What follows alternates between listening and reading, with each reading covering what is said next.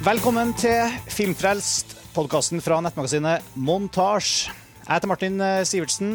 Jeg sitter her på Skype i dag med montasjeredaktør Karsten Weinick. Hallo, Karsten. Hei, Martin. Og eh, montasjeskribent og filmmusikkekspert Tor Joakim Haga. Hallo, ja. Og, eh, og ganske mye annet, men vi får holde introduksjonene brief og to the point. Og montasjeskribent Sivert Alnvik, hallo. Hallo, hallo. Hallo, hallo.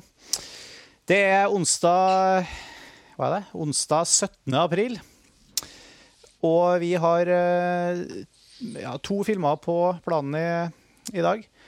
Den første er Cloud Atlas, som har eh, gått på kinoen en god stund nå. En film som hadde verdenspremiere i fjor, faktisk. Så det er en film som mange har hatt anledning til å se. Og en litt ferskere også science fiction-film, eh, 'Oblivion', som eh, har gått på kino en eh, ja, cirka er det to uker nå. I, i Norge. Mm. Ei uke, er det ikke det? Det er kanskje bare ei uke. Den hadde kanskje premiere sist helg. Mm. Jeg tror det.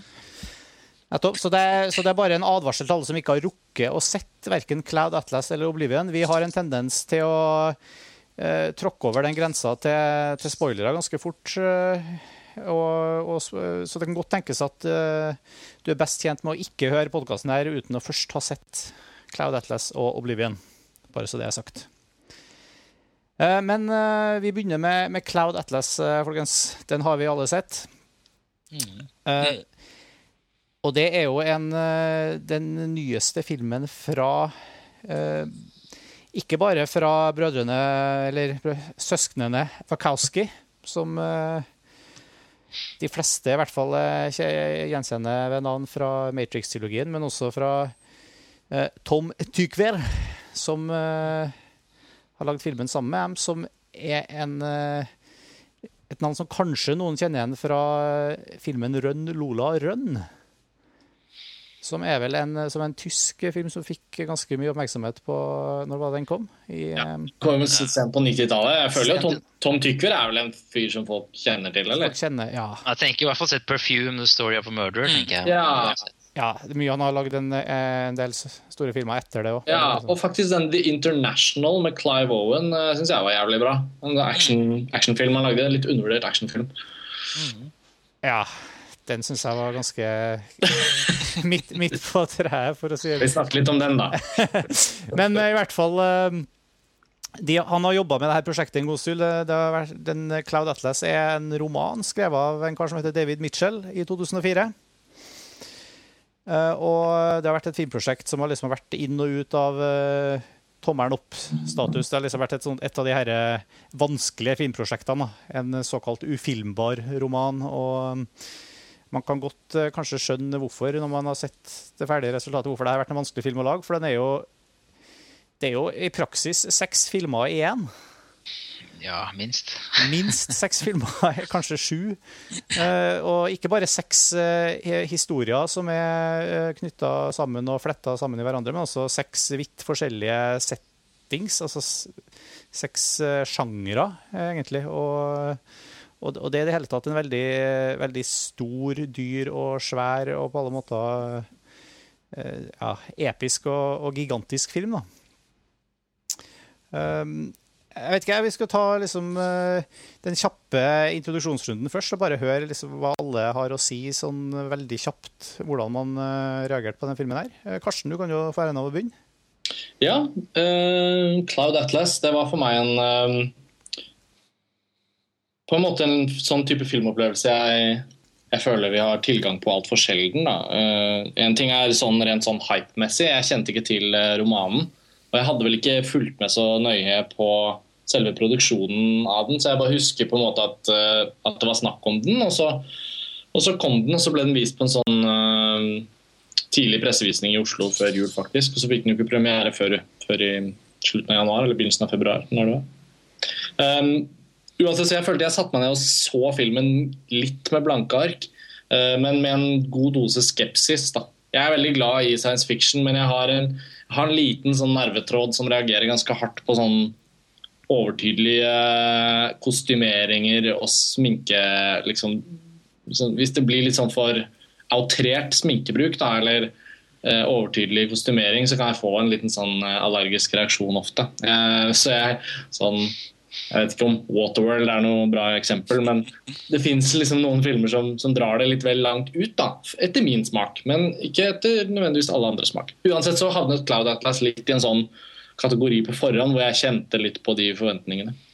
Men så da filmen begynte, så var det jo ingen tvil om at den hadde på en måte de derre den hadde dristigheten til å gå for de absolutt største spørsmålene. Da, og forsøke å fortelle historiene sine på en veldig ambisiøs og liksom uironisk, inderlig måte. Og det er noe annet igjen. Og det kan jeg ofte bli litt sånn dratt med av. Så jeg hadde egentlig en veldig sterk og stor filmopplevelse da jeg så Cloud Atlas. og så og første jeg snakket med etterpå, hatet den, så da merket jeg ok, så dette blir en av de filmene. liksom. Det er en av de polariserende hvor man på en måte må bare si enten så var du med på det, eller så var du liksom ikke med på det. Så jeg var med på det og likte den veldig godt. Jeg tror jeg du har helt rett i at det er en polariserende film, men det får vi, vi får se hvordan det starter her i, ja. i panelet vårt i dag. Ja. Sivert? Ja. Du selvfølgelig, Hvordan reagerte du på Cloud Atlas? Jeg hadde jo kun sett traileren for lenge siden før jeg så filmen, så jeg hadde vel egentlig ikke noe sånn særlig forhold til den som Karsten hadde. Men jeg syns vel at dette her ikke var noe særlig saker. Syns det var bare veldig mye rot.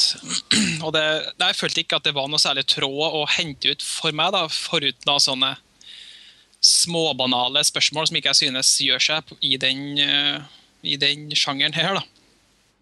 Ja, Hvilken sjanger vil du si at det er? ja, det, ja, det, er jo, det er jo seks filmer i ett, så det er jo vanskelig å se en sjanger. Men det er vel en mer sånn Jeg ville kalt det for, for science fiction. Mm. Og da syns man må ha man, man skal følge så mange store filmer som har utvikla spørsmålsstillinga og utvikla filosofien, at man må kanskje prøve å yte litt mer, da, eh, føler jeg, på, på den biten der. Mm.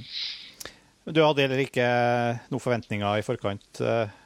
Nei, ja, det er ikke før i det siste at jeg fant ut at det var en bok. Så jeg har ikke eller, ingenting. Nei.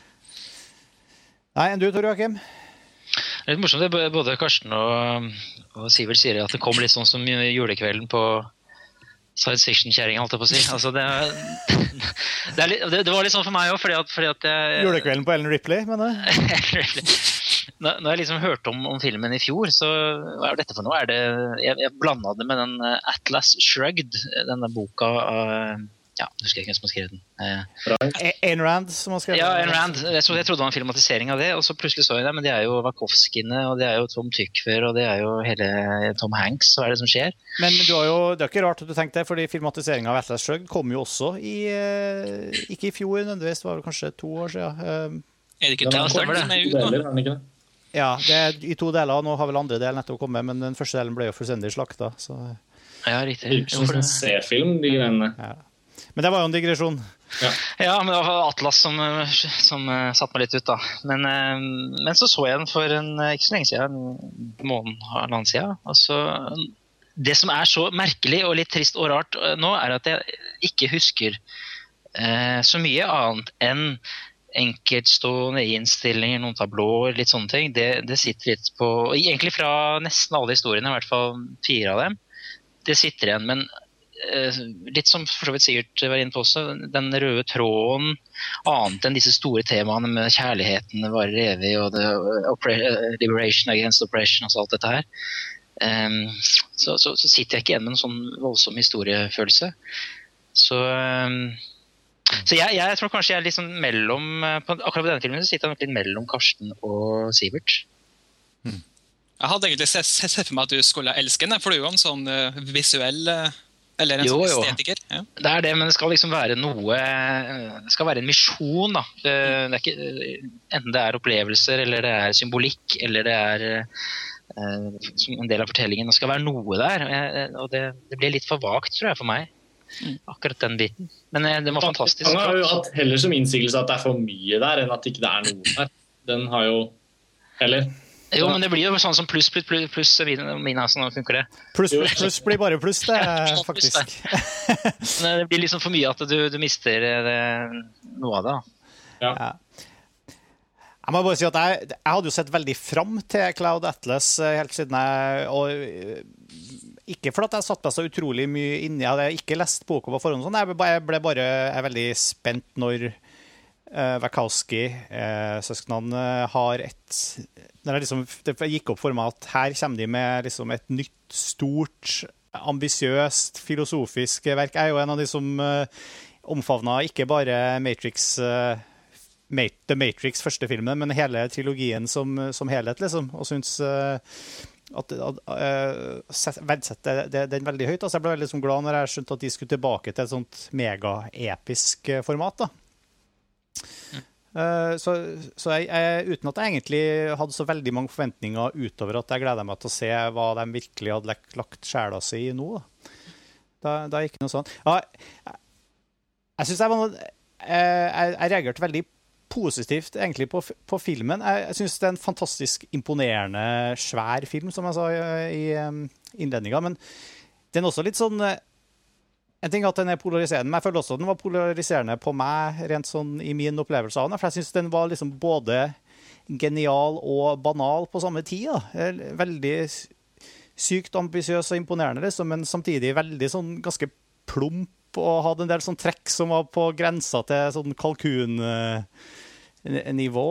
Uh, i, at den, den, er veld, den, er veldig uh, Du brukte ordet uironisk, Karsten. Den, veld, den, tar seg selv veldig på alvor. Den er jo både delvis humoristisk, men også veldig pretensiøs og nesten moraliserende. Og den har veldig mange sånne Jeg føler at den har veldig mange det er veldig mange grunner til å mislike den filmen fordi den er så anmasende. Um, samtidig som at jeg bare satt jeg, jeg syns den var veldig underholdende og setter veldig pris på bare å få servert et sånt superambisiøst, stort uh, verk. som Jeg, jeg satt ikke og kjeda meg ett sekund her. da, og Jeg har også hørt fra mange andre som sier at de liksom sovna gjennom den er altfor lang. og her er det...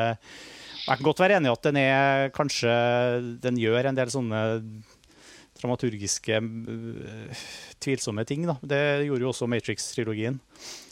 Så det, men jeg endte opp med å sette veldig pris på det som en sånn uh, film, filmgave. Da. Men da må man, uh, innser jeg, ha den innstillinga at man på en måte aksepterer, da, svelger det med, med, med det gode og det onde. Mm. Men det er, jo, det er, jo, noen deler her som er sterkere enn de andre. Jeg vet ikke om vi skal, skal Ja, det syns jeg absolutt vi kan gå inn med. Det er på tide. Ja, det... Jeg kan jo si også litt bare altså, om plott. Altså sånn Konseptet er jo på en måte at det er fortellinger i mange forskjellige tidsperioder som har med hverandre å gjøre, som knyttes sammen ved at mange skuespillere spiller roller som er en slags ekko av en annen rolle i filmen, som de også spiller, og som forplanter seg på tvers av forskjellige tidsplan. Det er jo flettverkshistorie ja, extreme. Den, så, ja. Ja. Det er en flettverkshistorie som både har flettverk på tvers av karakterer og på tvers av tematikk og på tvers av tidsaldre. Og på tvers av kjønn og hudfarger og aldre og, og raser. Og tematikk og visuell estetikk. både, eh, både på parallellklippes og kryssklippes på samme tid. Ja. det er en ganske på en måte kompleks og sofistikert gjennomføring.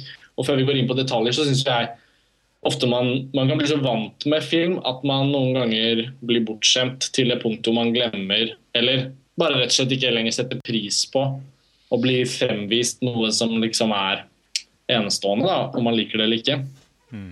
Og det skal Cloud Atlas ha, at uavhengig av hvor mange hundrevis av filmer jeg har sett, så syns jeg den fremstår som om ikke original på sånn bit for bit, fordi den, den beveger seg gjennom mange klisjeer og den har banaliteter i mengder og alt det der. Men den har en sånn iboende originalitet i det ambisjonsnivået som både Wachowski-søsknene i sine sekvenser og Tykver i sine sekvenser har klart å gjennomføre. Da. Jeg føler liksom filmen er veldig, uh, veldig godt realisert ut fra det som var ideen bak den. Og så har jeg full respekt for at noen ikke kobler på og noen ikke liker det sånn som det er gjort. Men jeg synes, for meg var en av de største styrkene ved å liksom bli sugd inn i filmen, det var liksom det at at jeg kjente at jeg satte så voldsomt pris på at filmen bare var som den var. Den var nettopp det. Du, synes, du, du syns ambisjonsnivå på en måte er en slags uh, kvalitet i seg selv? Er det du eh, ja, for meg ble det det. Mm. Ja, jeg er helt enig med deg, Karsten. Alt, alt det du sa nettopp, faktisk bifaller jeg veldig. Og jeg, det er også en av de filmene så, Jeg vet ikke om dere har sett den flere ganger, men det er en av de filmene jeg har sett i år som jeg gleder meg mest til å se igjen. nettopp Ja, samme her. Jeg har fått sett den selv. jeg mistenker at den er så eh, rik på ting som jeg gikk glipp av ved, gjennom, ved første gjennomsyn. Og jeg, det ble jo også veldig påpekt Det var veldig kult av dem faktisk å gjøre eh, i rulleteksten på slutten. Og faktisk vise oss alle de rollene som de forskjellige skuespillerne har spilt, bare for å poengtere hvor mye jeg faktisk har gått glipp av, og hvor mange eh, karakterer, eh, altså rollefigurer i filmen som jeg ikke plukka eh, skuespillerne på. Hvor jeg ikke, og det er jo, Man kan si mye rart om sminkearbeidet, men at noen av eh, dem var, smink, var ugjenkjennelige, tror jeg man trygt kan si. I enkelte tilfeller, i hvert fall. Ja, ja Korea-greiene, i hvert fall. Ja. Så det var jo um, Men, men uh, Ja, vi kan godt gå inn i enkeltsekvenser hvis det var et ønske. ja. Favorittsekvenser, eller hvordan, hvordan har du tenkt du skulle ja, jeg Hva tenker Ja. du, Tor Joakim? Nei, altså jeg det, liksom, ser jo for meg at man kan jo liksom plukke ut i den sekvensen som man syns var best, kanskje. ja. Eller, Kan vi ikke gjøre begge? da? At vi tar en som er bra, og så en som man ikke helt syns var så bra? Ja. Så får Jo. man Begynn, begynn du, Tor Joakim. Hva var din Ja, favorittsekvens, uh, og, og hvorfor? Det var jo litt inne på, jeg nevnte det så vidt nå. Jeg syns jo eh, jeg faktisk at uh, Korea-sekvensen er best. eh, altså denne, Som er på en måte mest science fiction i tradisjonell forstand, en fremtid om eh, et dystopisk bylandskap og, dette her. Eh, og som sagt, som jeg nevnte innledningsvis, er det det som sitter igjen på hjernehinnen. Det er produksjonsdesign og effekter og stemning. Eh, historien, Det var noe en kjærlighetsforhold der, og noen som skulle, han skulle hjelpe henne til å rømme. Her må dere hjelpe meg, altså, for dette sitter dette, dette, Ja, det men, sitter men der. særlig handler det jo om eh, ja, På en måte så er det jo en kjærlighetshistorie, men den er jo veldig eh, Det er også den som er, ligger nærmest opp mot The Matrix også. eh, i Ja, og Den er politisk ladet på en litt annen måte. Ja, og du har, men du har jo hun eh, syntetiske framstilte nærmest eh, Sonmi, et eller. Sonmi, ja, hun som jobber og serverer burgere, eller hva det er hun gjør på Ja. den fastfood-kjeden Ja, sånn, eh, som, eh, som ja. bryter ut av eh, Altså av eh, klon, Hun er en klone. Blade Runner, egentlig, altså historien. på en måte. Ja, klonen som bryter ut og vil søke opphavet sitt og, og mm, finner ut den harde sannheten, på en måte, om eh, Ja, men jeg, ja. så, som sagt, som du skjønner, så har jeg glemt mye av den historien. Men jeg var eh, Det var en som kunne passe til min smak, da, med, med audiovisuelle kvaliteter i, i huet, holdt jeg på å si. sånn sett. Mm. Eh, når, når det gjelder den som var minst eh, fascinerende for min del, så eh, tenker jeg kanskje på den herre Cambridge-sekvensen, altså forholdet mellom eh, men denne komponisten og denne lurendreier-fyren som skulle innynde seg hos denne komponisten, eh, som later som han er vel homoseksuell eller noe sånt. Er det, det er nok en gang. Nei, det er jo en komponist og læregutten. Og det, Ja, det, ja. det, det er jo nesten omvendt. Det er jo læregutten som skriver hele Cloud Atlas. men, men det er noe sånn seksuelt forhold der, og er det ikke noen sånn antydninger til noe Nei, han er homoseksuell, men det, men det er på en måte Det tar inn til andre Til en annen av historiene igjen, hvor eh, hans hans eh, partner eh, spiller på en måte i, i eldre utgave er involvert i den historien som foregår med det atomkraftverket og San Francisco-greiene, ja. Ja. Mm.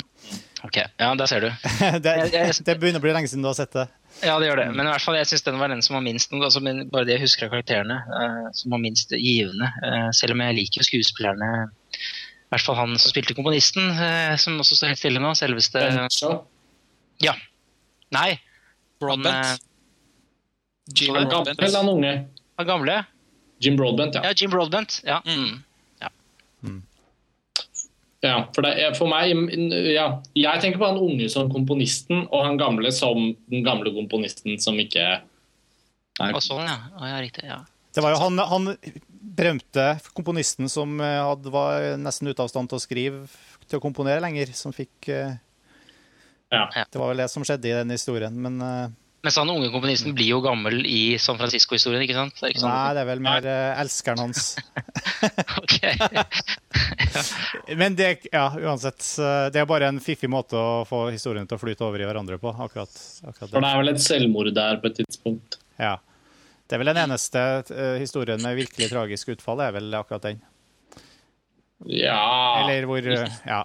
Det er vel en del tragisk. Det er jo på en måte en ganske melankolsk tone gjennom hele Cloud Atlas, gjennom alle fortellingene.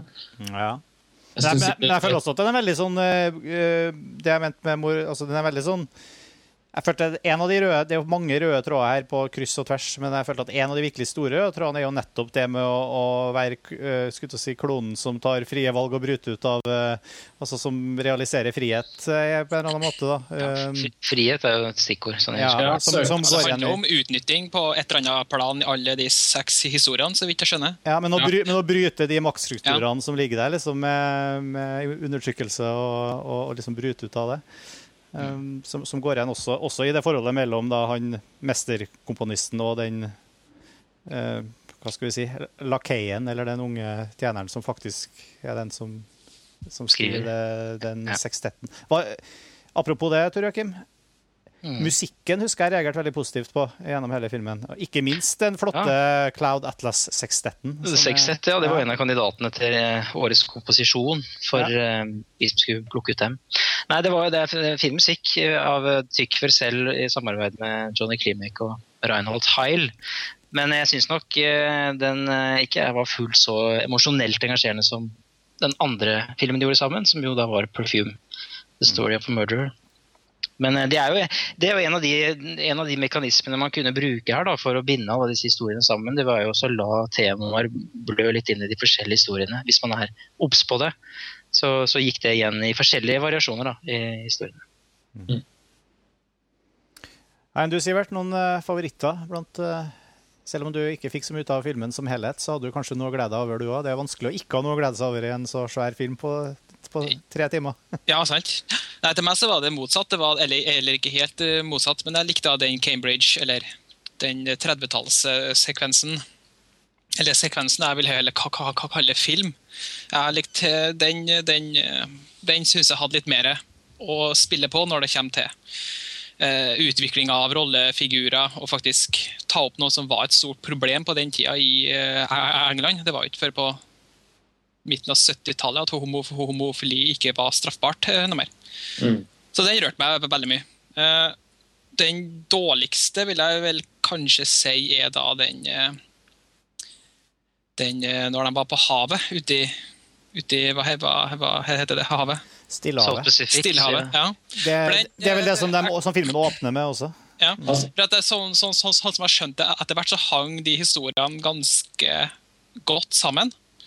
Eh, men jeg klarte ikke å plassere da inn den på 1800-tallet inn noe sted. For det er kanskje jeg som ikke fulgte med helt. Men jeg klarte ikke å dra noen kroker fra 1800-tallet til 30-tallet og til 70-tallet og så vi- vi videre. Jeg skjønte ikke hva den 1800-tallet hadde, hadde å gjøre. Nei, jeg er litt enig. Den hadde Ja. en litt sånn vag, eh, vag plassering av narrativene, liksom.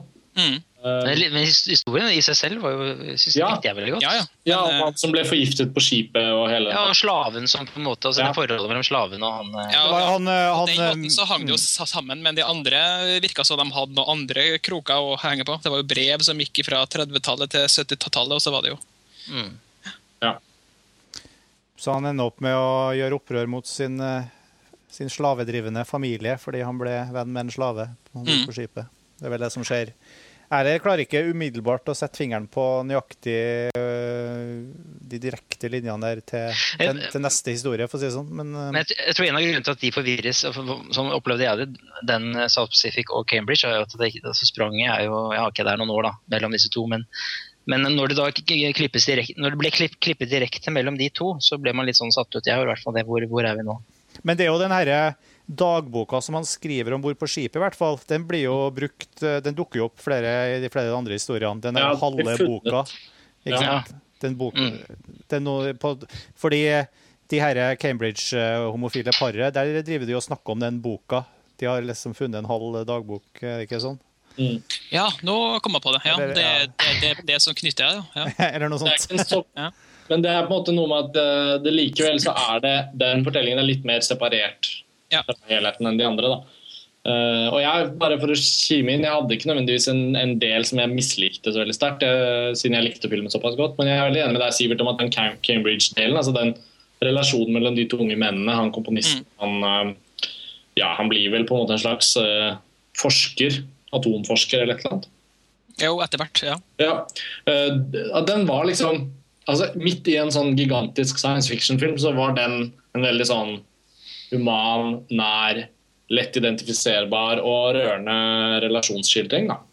Så jeg syns den hadde en veldig fin kvalitet. Den balanserte ut mye av det andre i filmen på en bra måte. Da syns jeg kanskje heller at det derre rømningsforsøket fra det gamle hjemmet ja, det var liksom sånn, sånn, rart. Den sekvensen hadde jeg kanskje da litt litt mer problemer med. Den gjorde jo ikke den store skaden, akkurat, men da ble det litt sånn farseaktig humor. Ja, den er veldig slapstick, ja. særlig, med, hu, særlig med Hugo Weaving. Som, som hun derre ja. der, Passeren uh, sånn, Mrs. Doubtfire, ja, fra helvete. Og de ender, ender på sånn irsk pub-brawl. Ja. Det var kanskje Lana Wachowski som regisserte den delen. Ja, sikkert. Men det må jo være, det må jo være bevisst humor. Eh, vi, vi om at det ikke var humor i stad, men sånne ting vitner om at det kan være det.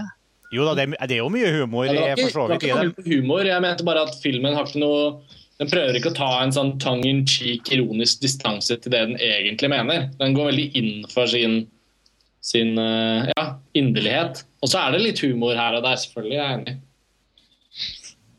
det kan, kan, kanskje det som gjorde at eh, eller for meg da, at filmen ikke sa noen ting, det var at du ikke hadde de der stikkene. At du det er noen kroker du kan ta. bare, aha, Det var litt sånn artig fordi at de gjorde det og det. og Det kan jeg relatere til regjeringa i dag, eller, eller noen sånne ting. da.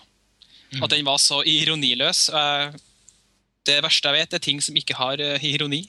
Samme som det, nye alvoret i dag. Bare ungdommene som skal være så inderlige og ekte. Jeg er veldig glad i det ekte. Ja, jeg òg. Rendyrkede ekte. Det liker jeg. Sånn, det som tas blodseriøst av science fiction, da er jeg egentlig med. altså. Da er jo egentlig Cloud Atlas-filmen for deg, da, tror jeg ikke. Ja, egentlig er den det. Så det er egentlig Kanskje må se den igjen? Ja, jeg tror det. det ser sånn ut. Mm. Ja, det, det, men det mm, Det er jo er det et gyldig argument at den rett og slett er for lang og har for mange historier i seg? Det er jo et vanlig ting som folk eh, faktisk sier om, eh, om Cloud Atlas. Jeg syns ikke den var for lang. Fordi jeg synes, jeg, Som jeg sa, det, kjerneopplevelsen min var jo at jeg satte så høy pris på ambisjonsnivået. Så for meg var det egentlig bare veldig på en måte behagelig å kunne lene seg tilbake i den filmen her og bare Yes, den skal være den skal nesten være tre timer lang, og det, det er ikke måte på hvor mye den skal liksom bare kjøre på med. da. Det morsomme er at den nå har hatt veldig stor suksess på kino i Kina. Hvor de har valgt å En ting er at de liksom har statlig sensur i Kina. Så de går jo inn og klipper ned de filmene de viser som er fra andre land. Og de viser jo ikke så veldig mye film fra andre land. Så når de først viser Hollywood-filmer, sånn, så går de inn og justerer på, på ting. Som sensur, da, i hermetegn. Men Cloud Atlas den har de visstnok klippet ned med sånn 45 minutter. eller noe sånt. Hei. Hei. Så det kan hende statlige sensuren i Kina satt der og var sånn Ja, men er den ikke litt lang, da? Så de får, Det blir jo på en måte spennende å se, men jeg har faktisk merket meg det og tenkt sånn Hvis, uh, altså, hvis jeg regner med å kjøpe den på Blu-ray sånn for å ha den selv, da. Men da blir det jo veldig fristende å søke litt på nettet etter den kinesiske versjonen. Men det er jo interessant at det, det er en sånn Statlig fan-edit. Ja. Kina er jo spesielt, ikke sant? At Kina, de, de, vil jo sikkert reagere på en del av tematikken her. For er jo, den er jo subversiv, for så vidt. Mm. Ja. Uh, den er jo veldig sånn Den har jo en sånn iboende iboende tematikk om den frihetssøken. Mm. Så det er egentlig merkelig at de i det hele tatt uh, gidder å Ja, om statlig kontroll, ja, ja. eller ja, og alt. Uh. Kanskje de fjerna hele det om Neo Soul? At det bare det, alt det som er Ja, det er ikke der noe mer? Så det blir mer som en sånn Det blir mer som en sånn kjærlighetsfilm, kanskje en litt sånn homse. Ja. Ja. Nei, Det blir spennende å se. Jeg har ikke funnet noen kilder på hva det faktisk er de har tatt vekk. Da. Men jeg husker jeg leste den saken om at det var klippet vekk veldig mye. Det men det er bare et eksempel da, på at filmens liksom, omfangsrike innhold og lengde og alt det der, det er selvfølgelig noe som kommer til å være en del av diskusjonen om Cloud Atlas alltid. Eh, for meg er det dens fremste styrke. Da, at den tør å være så innholdsrik. For Selv om jeg ikke likte filmen, så tror jeg at dette er en film som kommer til å holde seg. Den kommer til å bli diskutert ganske mye, og den kommer til å dukke opp på pensum på filmvitenskap og så, sånt. Tror du det? Det vil jeg tro, altså. Nei, jeg tror Det er såpass komplisert at folk uh, klarer ikke å la være å pirke i, i den. Men den er komplisert, men jeg synes ikke, altså, den, altså Narrativt kan du si den er litt komplisert i hvordan den klippes sammen sånn frem og tilbake, men, men jeg syns jo ikke den klarer å, å være intellektuelt stimulerende av den grunn. Altså, det hadde, I sin komplekse fortellerstruktur så er det ikke noe som gir meg intellektuelt fôr. Tenkte jeg når jeg så den. Jeg syns det var vakre bilder, og det er det som sitter igjen, men, jeg- men jeg men, eh, men akkur- det var, kanskje, vet ikke, jeg, kanskje det var for banalt, som jeg har snakket om allerede. Jeg vet ikke. Ja, jeg, jeg tror vel kanskje at en av tingene som skiller den her fra f.eks. Uh, yeah, altså i form av uh altså den- er jo, den er jo på, en måte, på en måte utrolig rik og stor og ambisiøs, men den er jo ganske sånn plump i måten den forteller ting på, og dytter ting ned i halsen på deg på.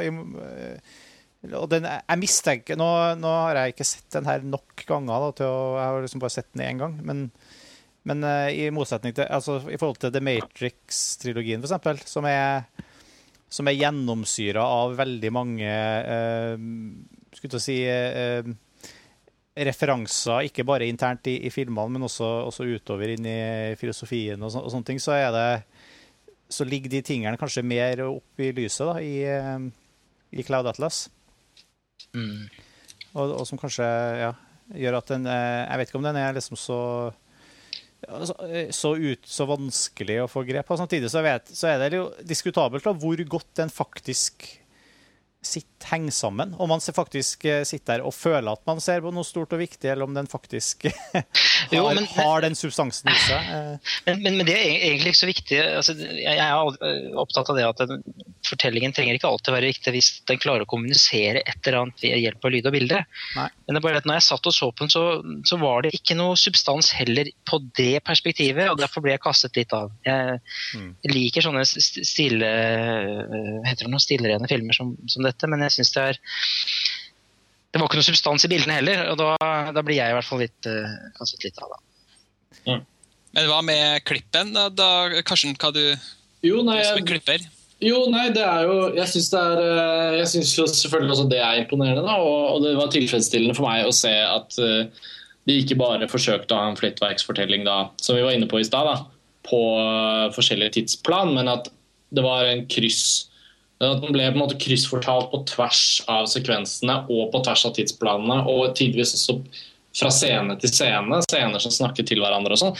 Jeg er på en måte overbevist om at uh, romanen må ha hatt mye strukturelt ved seg som er tatt med videre inn i filmen, og jeg tipper manuskriptet var ganske gjennomarbeidet, fordi den typen visjoner må på en måte planlegges og tenkes ut. sånn at det det er jo klart at Jeg er ganske trygg på at filmen var laget for å bli klippet noenlunde sånn. Men eh, det er ingen tvil om at han uh, tyske klipperen Jeg husker han har jobbet for Tykve før. skal vi se, han heter Alexander Berner. Alexander Berner. At han, uh, han må nok ha på en måte vært jævla godt forberedt på å balansere ut og finne rytmen for akkurat det. da. Og, og også Han har nok sittet veldig tett på alle disse rolletolkningene og prøvd å få ut det beste der. Det er jo ingen tvil om at skuespillerne har hatt en utfordring både ved å fremstå troverdige bak alle disse lagene med teit sminke og håpløse kostymer og sånn. For det var jo på en måte den lille Eh, Det er jo ikke en film som sitter med sånn absolutt toppkarakter for meg. For det, det, det lugger litt f.eks. i den eh, litt sånn eh, primitive Det viser seg å være i fremtiden, da, men eh, den Postapokalyptiske Ja, på en måte med Tom Hanks som sånn huleboer og Halle Berry som stiger ned fra himmelen. Den sekvensen der hadde jeg kanskje litt sånn issues med, bare fordi jeg kom aldri helt Det var vanskeligere å komme inn til selve liksom, rolletolkningen, da, fordi det var så mye staffasje på utsiden.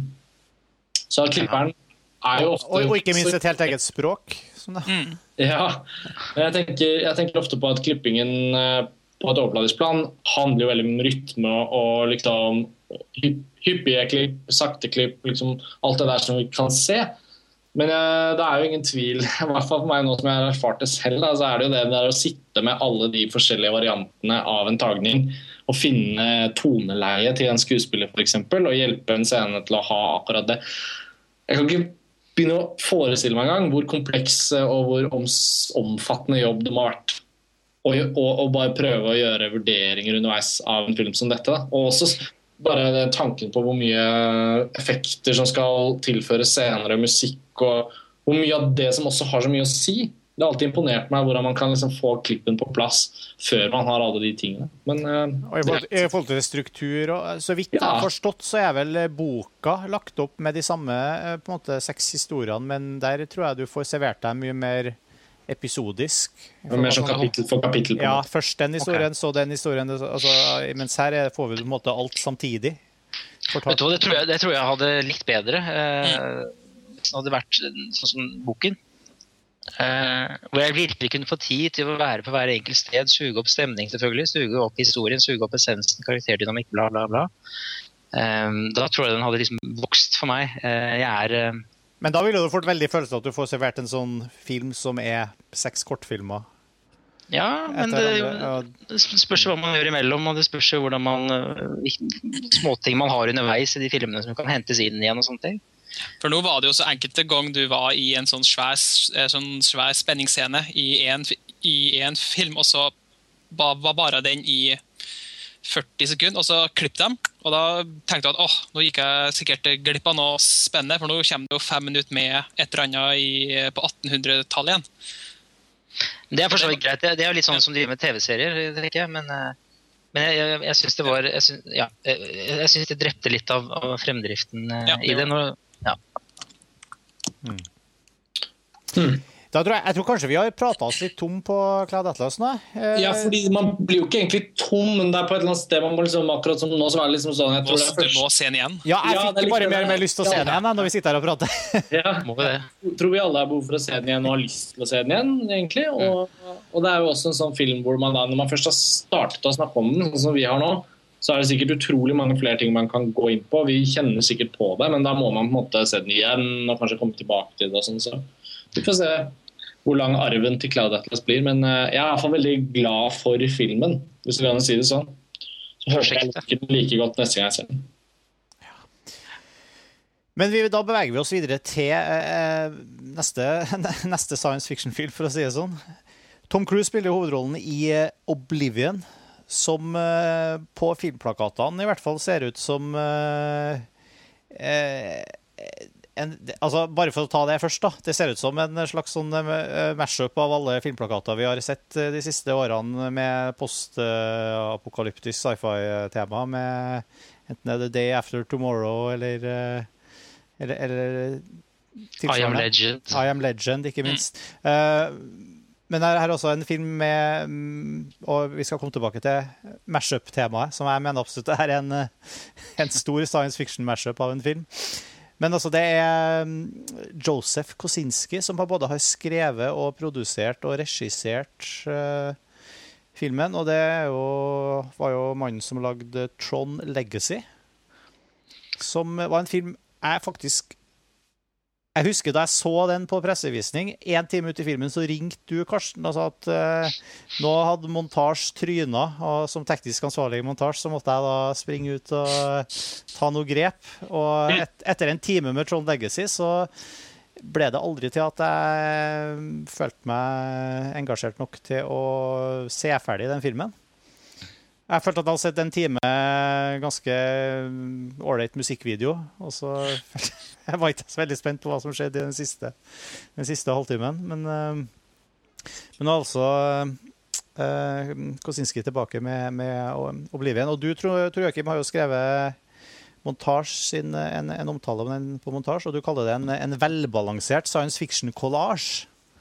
Ja, det var en slags sånn uh, Collage er én ting, men altså, velbalansert var en sånn såkalt double entendre. Ja, for du mener også at den, har visuell, eh, at den er visuelt velbalansert? Er Visuelt balansert, og så at den også balanserer fint mellom mellom actiontablåer og, og pauser i fortellingen. Altså, det, dette, Hvis vi skal sammenligne det med forrige film, så er det egentlig dette en film som eh, er sånn jeg skulle ønske at Cloud Atlas var, om jeg kan si det på den måten. Som ligger Vel- altså, velbalansert. nærmere, ja, enda nærmere den, den estetikken jeg, jeg ønsker. da. Ja, du, jeg anbefaler alle som hører på, å, å lese artikkelen til Trøkim. Jeg, jeg må si jeg kan stille meg bak veldig mye av det du skriver der. Men eh, Karsten, hva syns du om eh, Nei, du har ikke sett den? Nei, jeg måtte kime inn bare fort nå og si at jeg har jo ikke sett Oblivion, men jeg, jeg hører på og spør hvis jeg lurer på noe. Du får bare skyte inn. Ja. Jeg, jeg kan jo si at um, Uh, jeg i likhet med deg tror jeg, jeg satte veldig pris på det estetiske her. Da. Uh, for vi er jo uh, altså, Jeg er jo også veldig glad i den sjangeren her. Og Oblivion er jo rett og slett en stor sånn miks av alle de store science fiction-filmene som, som, vi er så glad i. Altså, det er på en måte en slags sånn syntese av Du nevner jo Wally, -E, som er et veldig godt utgangspunkt. Mm. Sånn, som er jo en animasjonsfilm, selvfølgelig, men også det er liksom The Matrix Moon særlig er jo en veldig sånn, sterk referanse her, men også 2001. Og, ja, jeg, glemte å skrive 2001, og det var litt flaut. For det var liksom en av de mest åpenbare. en av de mest åpenbare. Men det er veldig mange sånne, eh, det er veldig mye estetikk her som, har, som gir veldig mye gjenklang for oss som er veldig glad i de filmene. Og jeg syns også visuelt sett så var eh, så er Oblivion en, en stor, stor nytelse. Altså. Jeg satt veldig pris på den første timen av filmen. Da. Og eh, jeg syns egentlig til syvende og sist at filmen ikke hadde så fryktelig mye nytt å komme med utover det, men det var på en måte nok til at jeg liksom ville gi, gi Oblivion en sånn Om ikke begge tomler opp, så i hvert fall en, en tommel opp bare pga. det. Jeg syns det var veldig vellykka fra et sånt uh, fra et um, skal vi si, veldig, veldig bra fra sånn fotomessig iscenesettelse og alt sånt. Jeg føler at all lufta egentlig gikk ut av filmen eh, for meg etter etter det store revealen som skjer uh, ute i filmen, og man skal, måte, skal komme i mål med alt det som skal skje i siste akt. da, Hvor jeg på en måte ikke klarte å engasjere meg så veldig. Men det var, jeg følte at de klarte Altså at Kosinski klarte å bygge det veldig sånn uh, klarte å bygge opp filmen veldig godt i den første tiden. Klarte å sette scenen veldig godt, klarte å holde interessen opp for å, hva slags verden det her var. var altså Klarte å få meg interessert i settinga og hold, beholde mystikken ganske lenge. da. Mm. Og, og, samtidig at jeg ble vel Det er jo ganske få elementer. Men jeg ble også veldig fascinert av sånne enkle ting som bare den her plattformen som uh, som de oppholder seg på. den her, Bassenget. ja. basseng og det hele helikopterlignende kjøretøyet som du får se veldig mye av. Som, som også er noen ganske sånn um, kule sekvenser med, og som har Det er veldig fin estetikk, da, men jeg syns også at mye av regien egentlig var litt klønete. Jeg, jeg, føler at uh, sku, det de klarer å få fram av skuespillprestasjoner og sånn, er liksom veldig sånn uh, snublende. og Jeg, jeg syns det var mye som ikke funka rent sånn dramaturgisk. da. Jeg har, jeg har en mening om det skiftet, men jeg kanskje skal høre hva du sier. Jeg hører hva du har å si, Sivert. Nei, jeg likte jo jeg ble jo veldig skuffa. Jeg hadde jo forsøkt å lese minst mulig om den filmen på forhånd, men jeg hadde jo fått med meg da den Wally-lignelsen. Og da tenkte jeg oi, dette går ikke noe særlig bra. Men det som jeg reagerte på, det var jo da Eller det er jo en grispen film. Det er jo ufattelig pent uh, skutt. Men det som jeg reagerte på, var alle de, alle de uh, referansene. Det er jo en sånn homasjorgie og alle de referansene de gjorde at jeg faktisk hadde funnet ut hva filmen handla om før alt sammen hadde skjedd, og du visste nøyaktig når det skulle ha skjedd. Du kunne time ditt og du kunne time datt. og Da, da detter man litt av. altså. Det er jo greit å lage en uh, homasj ja, og hente elementer, men du må tilføre noe eget. Jeg, jeg glemte jo også å nevne The, The, Matrix her som en veldig stor mm referanse også. Mm. Ja, også det huset. Da, da tenkte jeg på det, det der Hanna Barbera-tegneserien, uh, The Jetsons. ja, det var en sånn artig uh, Det tenkte jeg ikke på. det, var, det var bra. Ja, da tenkte jeg på. Mm. Nei, det som irriterte meg aller mest, det var da de logiske, eh, de, de logiske bristene. Det er jo greit nok at man må svelge en del en del kameler når man ser film, men det er enkelte ting som i, i, den, i det universet der som ikke, som ikke, som ikke funka. Blant annet det at eh, plutselig så slutta flyet hans å fungere, og da hadde du så vidt starta på filmen. og du begynte med en litt sånn unødvendig spenningssekvens som du visste kom til å gå bra, fordi at det hadde jo bare gått uh, ti minutter. Også det at jeg mista kontakten. Du har reist hele verden, nei, du har reist hele jævla verdensrommet, og du klarer ikke å sette opp noen satellitter som sender signaler på, på andre siden av eh, jorda. Det syns jeg var litt sånn rart. Det var jo radioaktivt. Nei, det var jo ikke det, for det var jo bare en helt annen Nå er vi nå, nå, nå er vi på spoiler, da, men eh, Ja.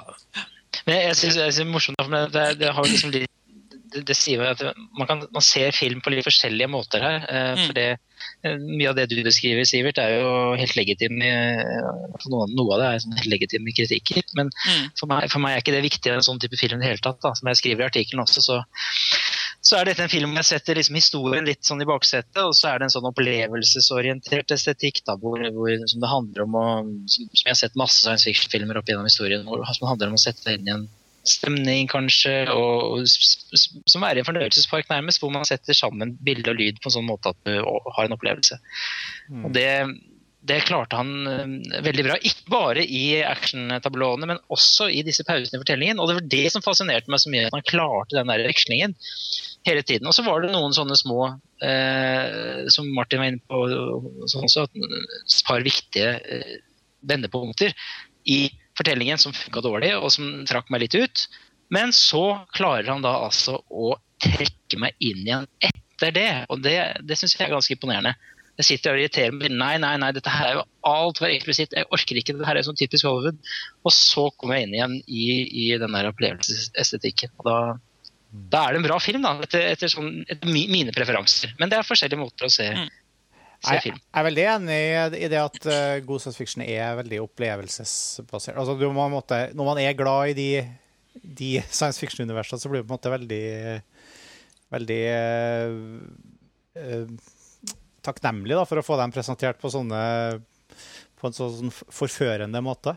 Men Det er, ikke alle, det er ikke alle science fiction-filmer som er det. da. Noen Nei. er jo mer på det intellektuelle. og og, og, ja, men jeg, jeg føler at det også er en av altså, jeg, eh, I en sånn film som det her, da, som er så syntetisk, på en måte, som, som, jeg, som, bland, som tar opp Som egentlig på en måte tar opp i seg så mange av de store science fiction-filmene og på en måte slår dem sammen. Så, så gøy, da? jo, det er kjempegøy, men jeg føler også at det er mer enn bare opplevelse Altså, god science fiction for meg er definitivt mer enn bare opplevelsesbasert. Altså, det, det, det bør si noe om, om menneskeheten, om samfunnet eller om verdenen vi lever i, som god science fiction, eller noe om det på en måte eh, overskridende eh, Altså, det bør ha noe eh, og, og komme også på et sånn dypere plan. Og der syns jeg at det har vært veldig mye god science fiction de siste Ja, jeg, jeg skulle si de siste 40 årene, men det blir kanskje Men, men altså, all, all, alle gode science fiction-filmer for meg da, har også ting å komme med der. Og det, der er kanskje det jeg er litt usikker på om faktisk eh, Oblivion eh, transcenderer så mye av det den tar opp i seg. Da, ved, ved å komme med noe den, den, den gjør egentlig Den bare mesjer det opp for meg. Da, den, og, den, den, den gjør jo ikke det. Den tar, Det- det, er jo ikke noe, det er jo ikke noe nytt, det er jo ikke noe, det er ikke noe original. Det er verken historiefortellingen eller den sier ikke noe spesielt uh, revolusjonerende om mennesker i naturen. eller noen ting. Det er, men, men jeg mener at det er forskjellige typer science fiction-filmer, forskjellige typer prosjekter. Mm. Jeg går ikke inn og ser Oblivion og forventer 2001 eller Alien eller, eller så, sånn type uh, film. Ja, men du forventer noe kanskje som er på nivået som Moon da, fra 2009. Det er det jeg hadde egentlig håpa. ja, for da, jeg er litt enig med deg, Sivert, der, også, at, eh, Ja. at det er noe som mangler da, når man kastes Når man bruker så mye Altså, jeg sitter Det er litt sånn med Det, er jo her, det minner veldig om den uh, uenigheten vi hadde om uh, Prometheus, tror jeg. Jim. Hvor- Ja, det er jo samme type film dette her, da, syns jeg. Samme Hvor- eh, ja. Ja. Nå, nå likte jeg faktisk den her bedre enn en Prometheus, eh, kanskje også, da. Men, men, men det er jo litt, det er litt den samme type grunnen grunn til at man eh, på en måte misliker den. At man føler at, at, at den på en måte ikke leverer på, på noe mer enn det, enn det rent eh, ja. Jeg, jeg skjønner, men dette her er liksom en av mine kampsaker. Det er også få en slags, det høres veldig voldsomt ut, men å liksom respekt for, for, eh, for en sånn type film. At den bare Ja, ja. kan dyrke dette her. Respekten også, så fuck, Men, eh, fuck de intellektuelle. Fuck alt det her historie, historie. Drit i det. det er Noen science fiction-filmer er gode på det, og de skal dyrkes for det. Og, og, og Ja. gode kritikker for det. Noen Men- filmer handler om helt andre ting. Det, Men, det er men det er så fint, det som er så ekstra herlig, når du ser at filmer klarer å være gode på det også. Ja, at, at, at de klarer å score på flere. Og da, det beviser at det er faktisk mulig å levere på flere ting. da.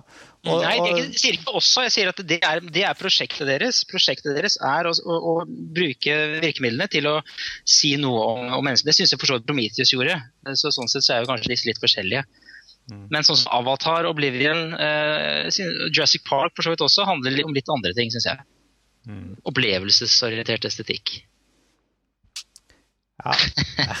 Nå er, du inn, nå er man jo inne på det vanskelige smaken. At uh, Jeg ser jo ikke på Jurassic Park som en sånn uh, Sånn som du sier, da, at det er en sånn øh, opplevelses, opplevelsesestetikk. Jeg syns jo at den fa- fa- faktisk har noe dypt å si òg, da. Det, intell- det intellektuelle. Ja, Så det er jo veldig veldig det er vanskelig. Ja, det er riktig, det. Jeg syns ikke det er derfor den er en bra film. Så det er jo veldig vanskelig tema å diskutere og eh, for, forsøke å definere, da. Ja. Da, et, et, et annet aspekt med, med Oblivion Jeg syns også til tider var ekstremt cheesy. Du, du, du sa det kanskje i stad, du òg, tror jeg. Men det er liksom Det, det er noen eh, det, Den er også litt sånn eh, Armageddon-aktig, nesten, i måten den klasjer på med noen sånne superpompøse scener og sånn eh, skikkelig power ballads og som full eh, Den, den virkelig lesser på noen ganger. da. Det var veldig kul musikk eh, for så vidt i filmen, eh, Ja. jeg. Mm. Så det var Nei, så det, alt i alt det er jeg er veldig på sånn terningkast fire-nivå på i forhold til Oblivion. Altså, kanskje til og med Ja, jeg vet ikke om jeg skal strekke meg til, til femmeren, liksom. Ja, på en femmer, men det, det, er, det er disse, disse to sekvensene som ikke egentlig skal, skal snakkes mye om, for det er jo spoiler-sekvenser altså, som, som trekker ned helhetsinntrykket da, for, for meg. Ja. Skal kanskje holde det utenfor. Ja, det, det er jo ikke noe poeng, egentlig. Det er jo, det er jo veldig På en måte, det er såpass lite vits i å, i å rippe opp i det her at uh, de folk skjønner det når de, når de ser det, for vi har jo nevnt Ja. at det er en sånn homage-orgie. Ja. Men, men det er klart det er et uh, viktig aspekt i filmen, at, at det er et vendepunkt, og du, liksom, det er en hemmelighet her, og det, og det skjer ting. Men, men det er måte det, Det, er, det, er, to, det er to vendepunkt da, som er litt sånn uh, anstrengte, synes jeg. Ja. Ja, så, mm. Men, uh, men for all del eh, Det er jo samme Det er jo den fotografen her. Det er jo samme Nå husker jeg ikke hva han heter. Han som fotograferte eh, Life of Pi og Eh, Åh, hva heter han? Jeg skal jeg må slå det opp her. Claudio Miranda. Ja, nettopp. Mm. Det var helt strålende. Og Tron Legacy også. um, som eh, jeg føler led av mye av det samme, da, for så vidt. Jeg syns det var jo unektelig mye masse flott å se på i Tron Legacy også. Absolutt. Så, Jeg synes Den er bedre fortalt, faktisk, da, enn den. Enn enn Trond. Hvis man skal sammenligne de. Karsten, hva tenker du når du sitter og hører på oss prate om eh, Oblivion? Nei, jeg Tja. det er jo det, det fremstår for meg som det er ikke noe sånn, det er ikke noe sånne gåtefulle sider av denne filmen jeg ser for meg at jeg kommer til å oppdage når jeg ser den. Jeg føler jo at det er en film som står ganske tydelig både gjennom trailere, og det er en studiofilm, og det er jo Jeg forventer jo ikke de store eksperimentelle tingene, men, men en av mine haker er jo at jeg har ikke selv ennå fått sett Tron Legacy, så jeg har ikke helt fått følt på han Kosinskis visuelle muskel. Nei. Jeg håper jo, særlig med oppmuntret av Tor Joakims omtale, så ser jeg for meg at bare som en ren sånn ja, audiovisuell og sonisk opplevelse. Og jeg er veldig glad i M83, som har komponert musikken. Jeg har allerede begynt å høre litt på musikken. Samme med Tron Legacy. Jeg føler jeg kan det der Daft Punk-soundtracket utenat snart. Men jeg har ennå ikke sett filmen. Sånn at den har jo, Jeg syns den fremstår som en sånn noenlunde attraktiv film. Men jeg ser jo ikke for meg at den, at den på noen måte er en um, viktig film. Altså, jeg ser for at Hvis jeg liksom har vært 14 år nå og ikke hadde sett noen av de filmene vi liksom ikke har sett uh, Matrix, ikke har sett 2001, ikke har sett uh, noe som helst, egentlig, av, av science fiction. Ikke har sett Wall, ikke har sett Predator, eller ikke har sett uh, Predator, ja. Moon, eller noen ting. liksom. Det er Predator-elementet her òg. Altså, hvis jeg måtte ha kommet så ferskt i filmen, så tror jeg jeg ville ha eh, liksom vært helt sånn hakeslepp av begeistring for hvor en, eh, hvilken fantastisk eh, oppfinnsom og tankevekkende og flott film det her er.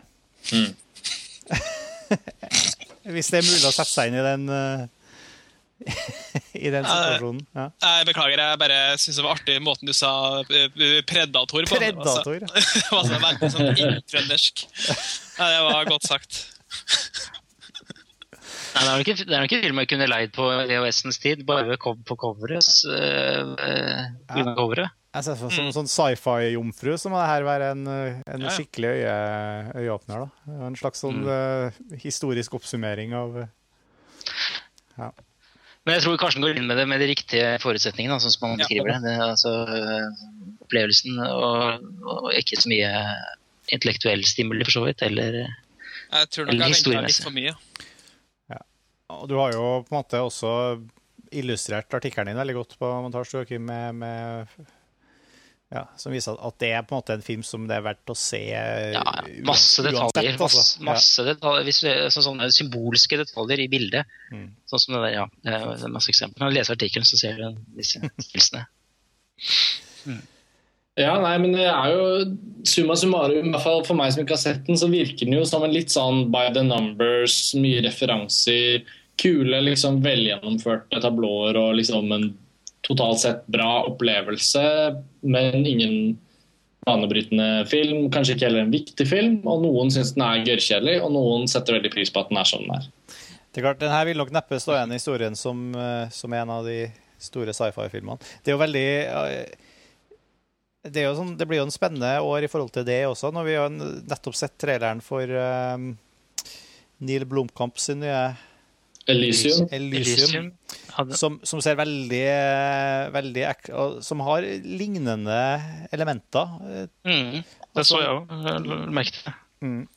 uh, og, Så kicker ganske mye hardere på innhold, da. Altså, og action.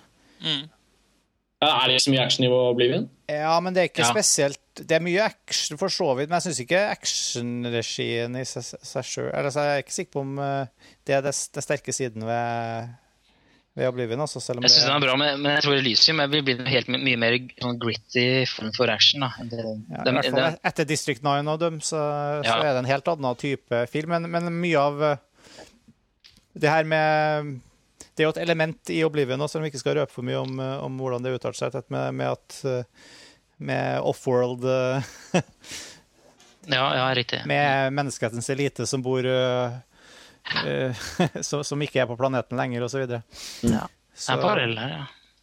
det, er mye, det er mye likt. Men det er jo selvfølgelig ikke så rart, siden den filmen øh, siden Oblivion rett og slett er en ren referanse,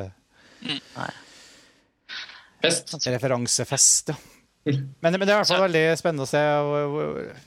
Det er fint at det er god science fiction også i år. Da. For jeg husker jo at i fjor var jo på en måte markert i kalenderen som et sånt svært science fiction-år. og Mm. Vi, vi, Så, så har vi jo After Earth også, som kommer. Som kan gå alle, som kan gå alle, alle mulige veier. Ja, fortell litt om den. Det, Nei, jeg, jeg vet jo ikke så mye om eh, filmen annet enn eh, sånn musikalske ting, så jeg, men det er jo Shyamalan. Da. ja. Det er postapokalypse, men med litt sånn fantasy-elementer, som jeg har tolka det, med, med Will Smith og sønnen. Å ja, det er den, ja. Så det, det høres ut som det kan være både katastrofe og Ja, akkurat det er det jo med Shyamalan. Det kan jo gå alle mulige veier. Den kommer vel til sommeren, gjør den ikke det? Eller er Den gjør det. Ja. Den gjør det. Mm.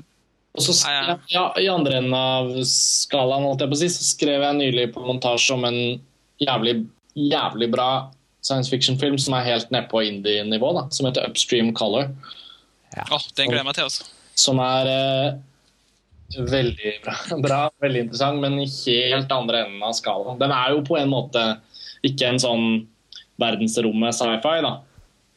Så den er mer som en sånn på en måte Den spiller på hva hva hva som kan foregå her i vår hverdag, på en måte. Uh, jeg vet Jeg fikk, mm, jeg fikk veldig lyst til å se den. Uh, ja. ja. den er veldig bra. Men jeg vet ikke om det er liksom undersjangre av sci-fi som man liksom snakker om når man snakker om ting som er på en måte mer sånn Ja, som er på en måte på jorda, men som har på en måte en liten vri. Eh, Jeg var jo veldig fascinert av den uh, Primer. Primer. Mm. Det var jo en uh, kjempe Altså, var en- Primer var en eh, kjempekreativ, utrolig uh, inspirerende film. da. Mm. Hvordan man kan lage en, en Superbra film med, lite, med veldig lite penger. ja, så effektiv eh, tidsreise, science fiction-film Mm. ut ifra en Du har liksom bare en Du har noen En tanker, og så har du et kamera. En, sto en storage locker og en garasje, og Ja, ja. det er det du har. Mm. Helt utrolig. kan, kan jeg lese Det kom en ny kommentar nå på Oblivion-saken. Kan jeg lese den? Det er Ja. veldig kort. Ja. Bra montasje. ja, på montasje, for det var visst det vi snakket om. Johan Herstad sier synes historiefortellingen var meget bra her. Det er jo nettopp en historie om hva det vil si å være menneskelig. Det vil si affeksjon og kjærlighet. Det er det eneste romvesenene ikke forstår, og derfor ikke kan slette. Ikke bare vises dette i kjærlighetshistorien, men også i at menneskene samler på ting som de synes har en verdi, utover bruksverdien. Bøker, musikk, kunst osv. Både Jack Harper og Morgan Freeman gjør jo dette. Ja. Jo total recall. Ja, Ja, men det, det er morsomt. Det er morsomt. jeg diskuterte også Jeg så jo denne filmen sammen med en god venn av meg, og han, eh, driver, og- han studerer mm, pedagogikk nå. Det gjør vel du òg, tror jeg?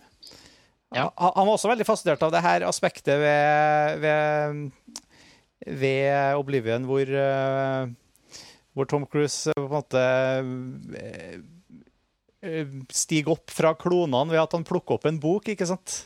mm. Han, han, han plukker opp her eh, den boka og, og blir, i likhet med også i selvfølgelig Cloud Atlas òg, ikke sant? Klonen som, eh, som tar skrittet ut og, og, Og hører på musikk, 80-talls og bryter mønstre og hører på kultur og, og plukker opp boka. Og går til det Så du skjønner, her er det tematikk, skjønner du. Det er, det er, Det det er er tematikk. Mm. Ja, beklager, det var en avsporing. Nei, det var ikke en avsporing. Tvert om. Vi var vel bare skjedd inne på at det kan bli et bra år for sci-fi i år òg, da. Egentlig. Absolutt. Særlig hvis man ser på det som skjer på independent-plan også, i tillegg til de gigantiske blockbusterne. Jeg vet ikke om den monsterfilmen til Guillermo del Toro vil fremstå som en katastrofefilm eller en monsterfilm eller en sci-fi, men eh, Hvilken er det igjen?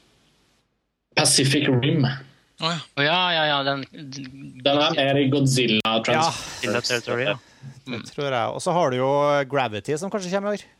Ja, det blir vel før jul, forhåpentligvis. da. Ja. Alfonso Cuarón. Det er jo old school sci-fi, sånn sett. Sånn virkelig sånn romfart. Sci-fi. Ja, men det, det, det ser jeg fram til, altså. Ja, det høres og ser veldig bra ut. Har det ikke nettopp blitt sluppet en teaser av den, eller er det jeg som bare har fått med meg Det har vært en sånn uh, kinobransjen i USA. Ja, det var det, det var Sånn det. person. Ja, og Der har de vist en veldig kort teaser, men den har ikke lagt ut ennå. Men folk synes var, vel i, folk var vel i uh, ekstase? uh, Ja, vi var det? det. Mm. Og så kom det jo ny trailer til eh, Man of Steel i dag. Og Supermann har alltid vært den superheltserien som for meg er mer science fiction enn superheltfilm. Mm. Og den virker Den var lovende. den nå. Så, og så er det Enders Game. Eh, Den, den er jeg litt skeptisk til. Basert på Orson Scott Cards eh, sånn, Han er sånn erkekonservativ superkristen. Det kan gå alle mulige veier, det også. Ja, men da blir jo nesten Hunger Games litt sånn sci-fi òg, hvis vi drar det over. Hvem er ikke konservativ superkristen? Orson Scott Card som skrevet uh, Ja. Enders Game. Men den boka har jeg jo lest. Den er jo kjempebra. Ja, ikke sant? Det er Jeg en har ikke lest den, så det fantastisk kan eh, bli bok. Det behøver jo ikke bety at filmene er. Jeg har jo også, jeg har jo også lest uh, Atlas eh, Shrugged, uh, som, som er Ja. også en kjempegod bok. Selv om man kan uh, være full- Selv om jeg ikke deler filosofi, filosofiske utgangspunktet til, til men, men det behøver ikke bety at filmen er noe særlig for det. Og så to, så- så to til. Star Trek 2, selvfølgelig. Into Ja, Darkness. Og, og også det, jeg gleder meg også litt til Brad Pitt eh, zombie World War Z. Ja, den kan bli litt kul. Jeg er litt på gjerdet, merker jeg, men, eh, men det, er, det er jo, ser jo bananas nok ut til at det kan bli litt gøy. Ja, det gjør det. Jeg vet ikke, jeg klarer ikke helt å få Brad Pitt til å være i sånne katastrofefilmer, eller sånne ty type filmer. Han er litt mer sånn. Enig. Ja, men da- det jeg tenkte på den første traileren, sånn, dette er jo ikke en film Brad Pitt spiller i. liksom. Nei, det er ikke spilte det. jo i Tree of Life, da, så who knows. Men, men du, jeg, når jeg ser på Nå ble jeg litt nysgjerrig. Jeg visste ikke at det ble At Enders Game var, skulle filmatiseres i år. eh, Men eh, når jeg ser at eh, regissøren er Gavin Hood, Ok. som, Oh. som har som regissert Laga Sotsi, jo ikke? jo, og X-Men Origins Wolverine. Ja, uff, ja. Er det bra eller dårlig, syns du? Var ikke det dårlig? Nei, den, den, den var så, fikk så dårlig medfart at jeg ikke så den. Samme ja, den var virkelig Den var rett og slett kjedelig, den. Så jeg lurer på om eh, Atlas Shrugged-sammenligninga kanskje ja, nei, det, vi, skal, vi skal ikke dømme, forhåndsdømme noen ting. her, men det blir spennende å se Enders Game filmatisert. i hvert fall. Ja. Yes. OK, nei, men eh, mm. vi er litt mye, mye, mye sci-fi å se frem til, i hvert fall med podkaster og det med andre. Det blir mye sci-fi i år. Det er jo fantastisk. Mm. Ja, kult. Neste episode av Filmfrelst eh, har vi ikke satt tema for enda. Nei, Men eh, det blir nok ikke mange ukene til neste gang. vi er tilbake om ikke så lenge. Ja. Eh, Vignettmelodien vår, musikken vår, er fra bandet Ping. Du kan sjekke dem ut på thepingpage.com. Nylig ut med ny singel som heter rett og slett The A-Side. Som også, og singelen har selvfølgelig en B-side, så den er tilgjengelig på Spotify og Wimp nå.